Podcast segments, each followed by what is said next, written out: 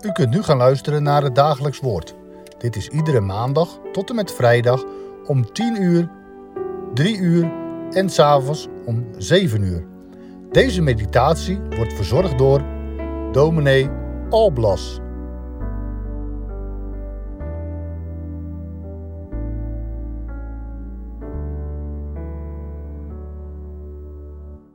Ik heet u weer van harte welkom bij deze uitzending van ons dagelijks woord.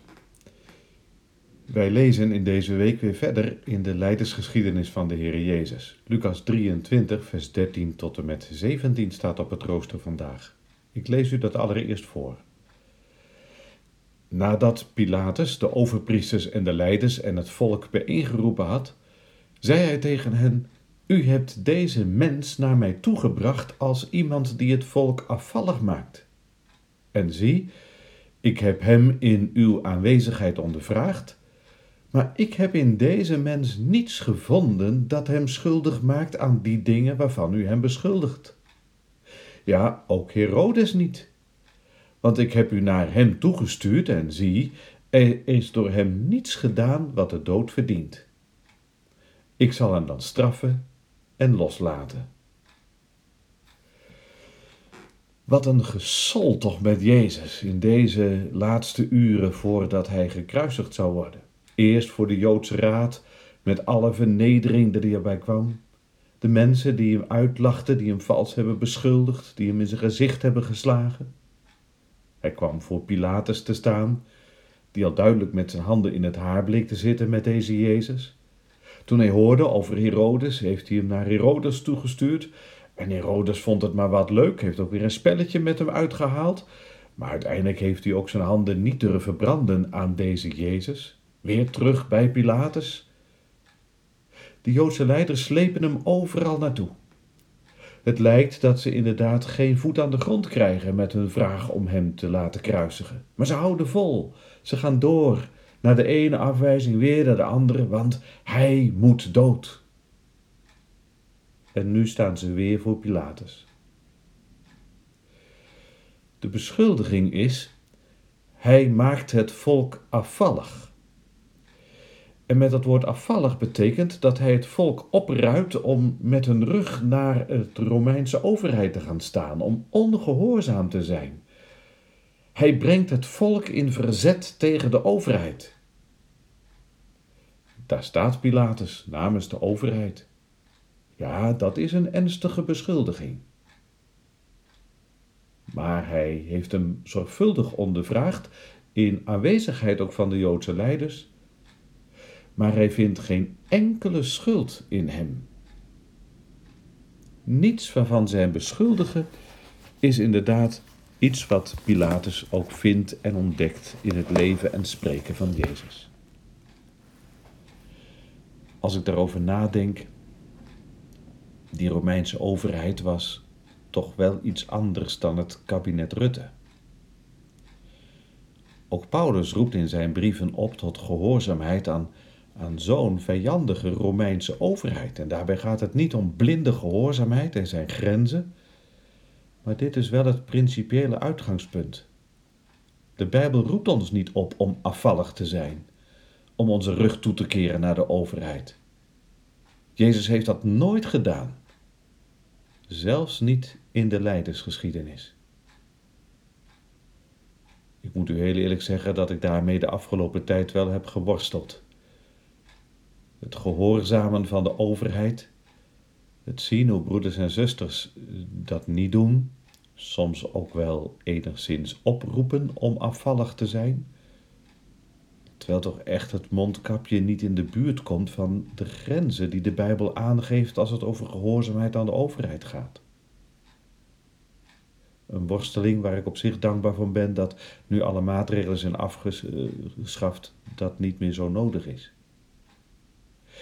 Maar natuurlijk, in deze geschiedenis ligt de spits niet bij deze dingen. Het gaat niet om de overheid aan wie je al dan niet eh, gehoorzaam bent, of of je mensen opruit om tegen die overheid in opstand te komen.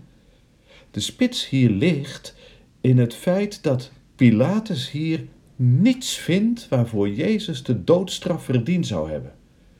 Hij is onschuldig. Ik heb niets gevonden.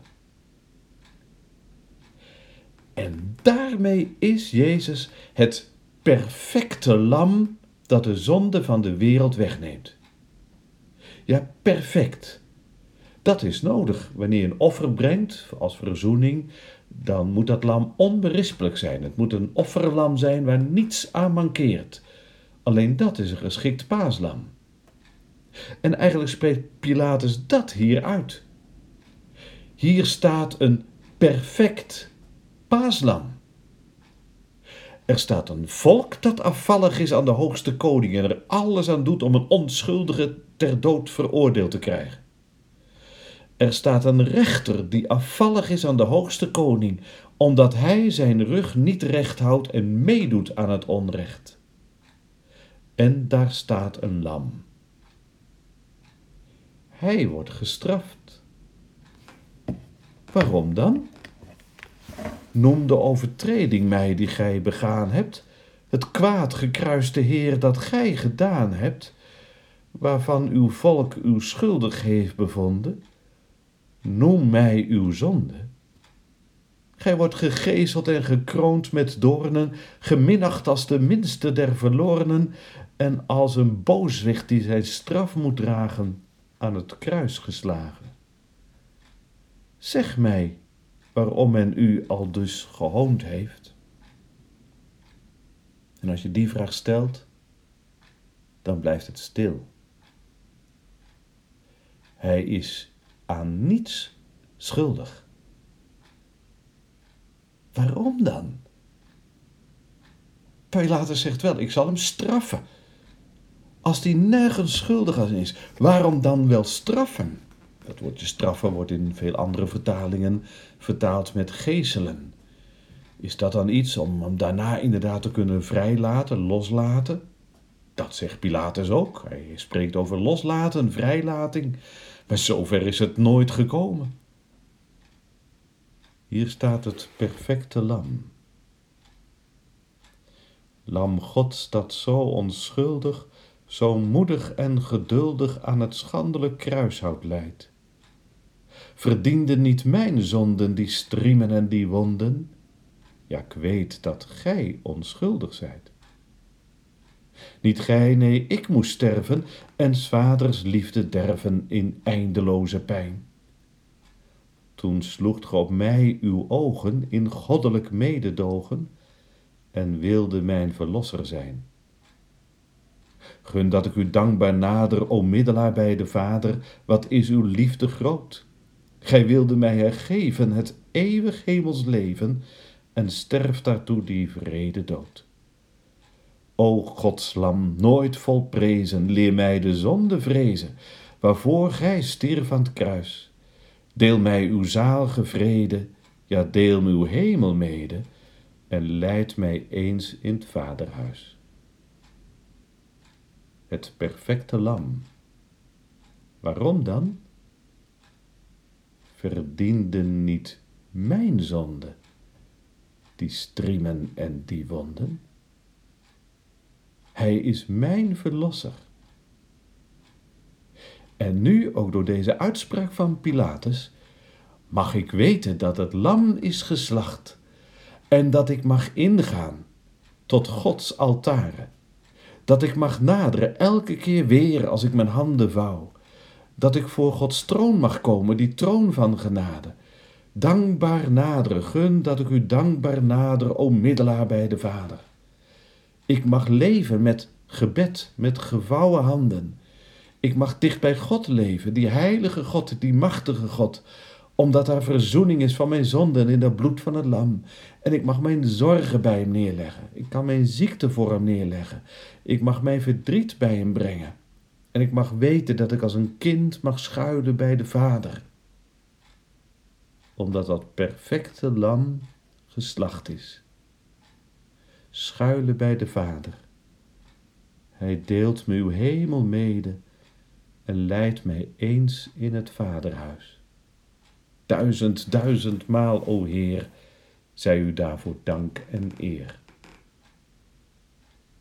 Laten wij samen bidden. O Lam van God, wij danken u voor uw woord, u onschuldig, wij schuldig, U gestraft, wij vrij uit. Wat een wonder. Wonder van genade. O God, we raken daar niet over uitgedacht. Want als we er echt bij stilstaan, dan beseffen we dat inderdaad mijn zonden ook de oorzaak zijn van uw wonden. En dan beleiden wij ook dat wij niet overeind kunnen blijven staan, maar alleen maar door de knieën kunnen gaan, om te buigen voor u, om onze schuld te beleiden, maar ook om te beleven dat we bij u mogen komen. We danken u daarvoor, Heere God, dat door dat perfecte lam dat mijn zonde heeft weggedragen, we mogen bidden en dat doen we ook. Wij bidden tot u. Bidden u om vergeving, bidden u om kracht bij de moeite van het leven, om ondersteuning op de weg die we gaan, zeker wanneer de weg zwaar is, wanneer er ziekte is en pijn is. Wij bidden u om troost bij verdriet. Wij bidden u om hoop en uitzicht. Ook wij moeten een kruis dragen in het leven. Het gaat aan niemand voorbij. En zeker voor hen voor wie het zwaar is, bidden wij u. Wilt u hen doen ervaren dat u ook draagt. Dat u hen zelf draagt. Dat u uw handen om hen heen legt, ook op het moeilijkste deel van het levenspad. Draagt u om eens thuis te mogen komen in het Vaderhuis. O God, wij danken u voor dat machtige wonder van genade. Hoor zo ons bidden, om Jezus wil. Amen.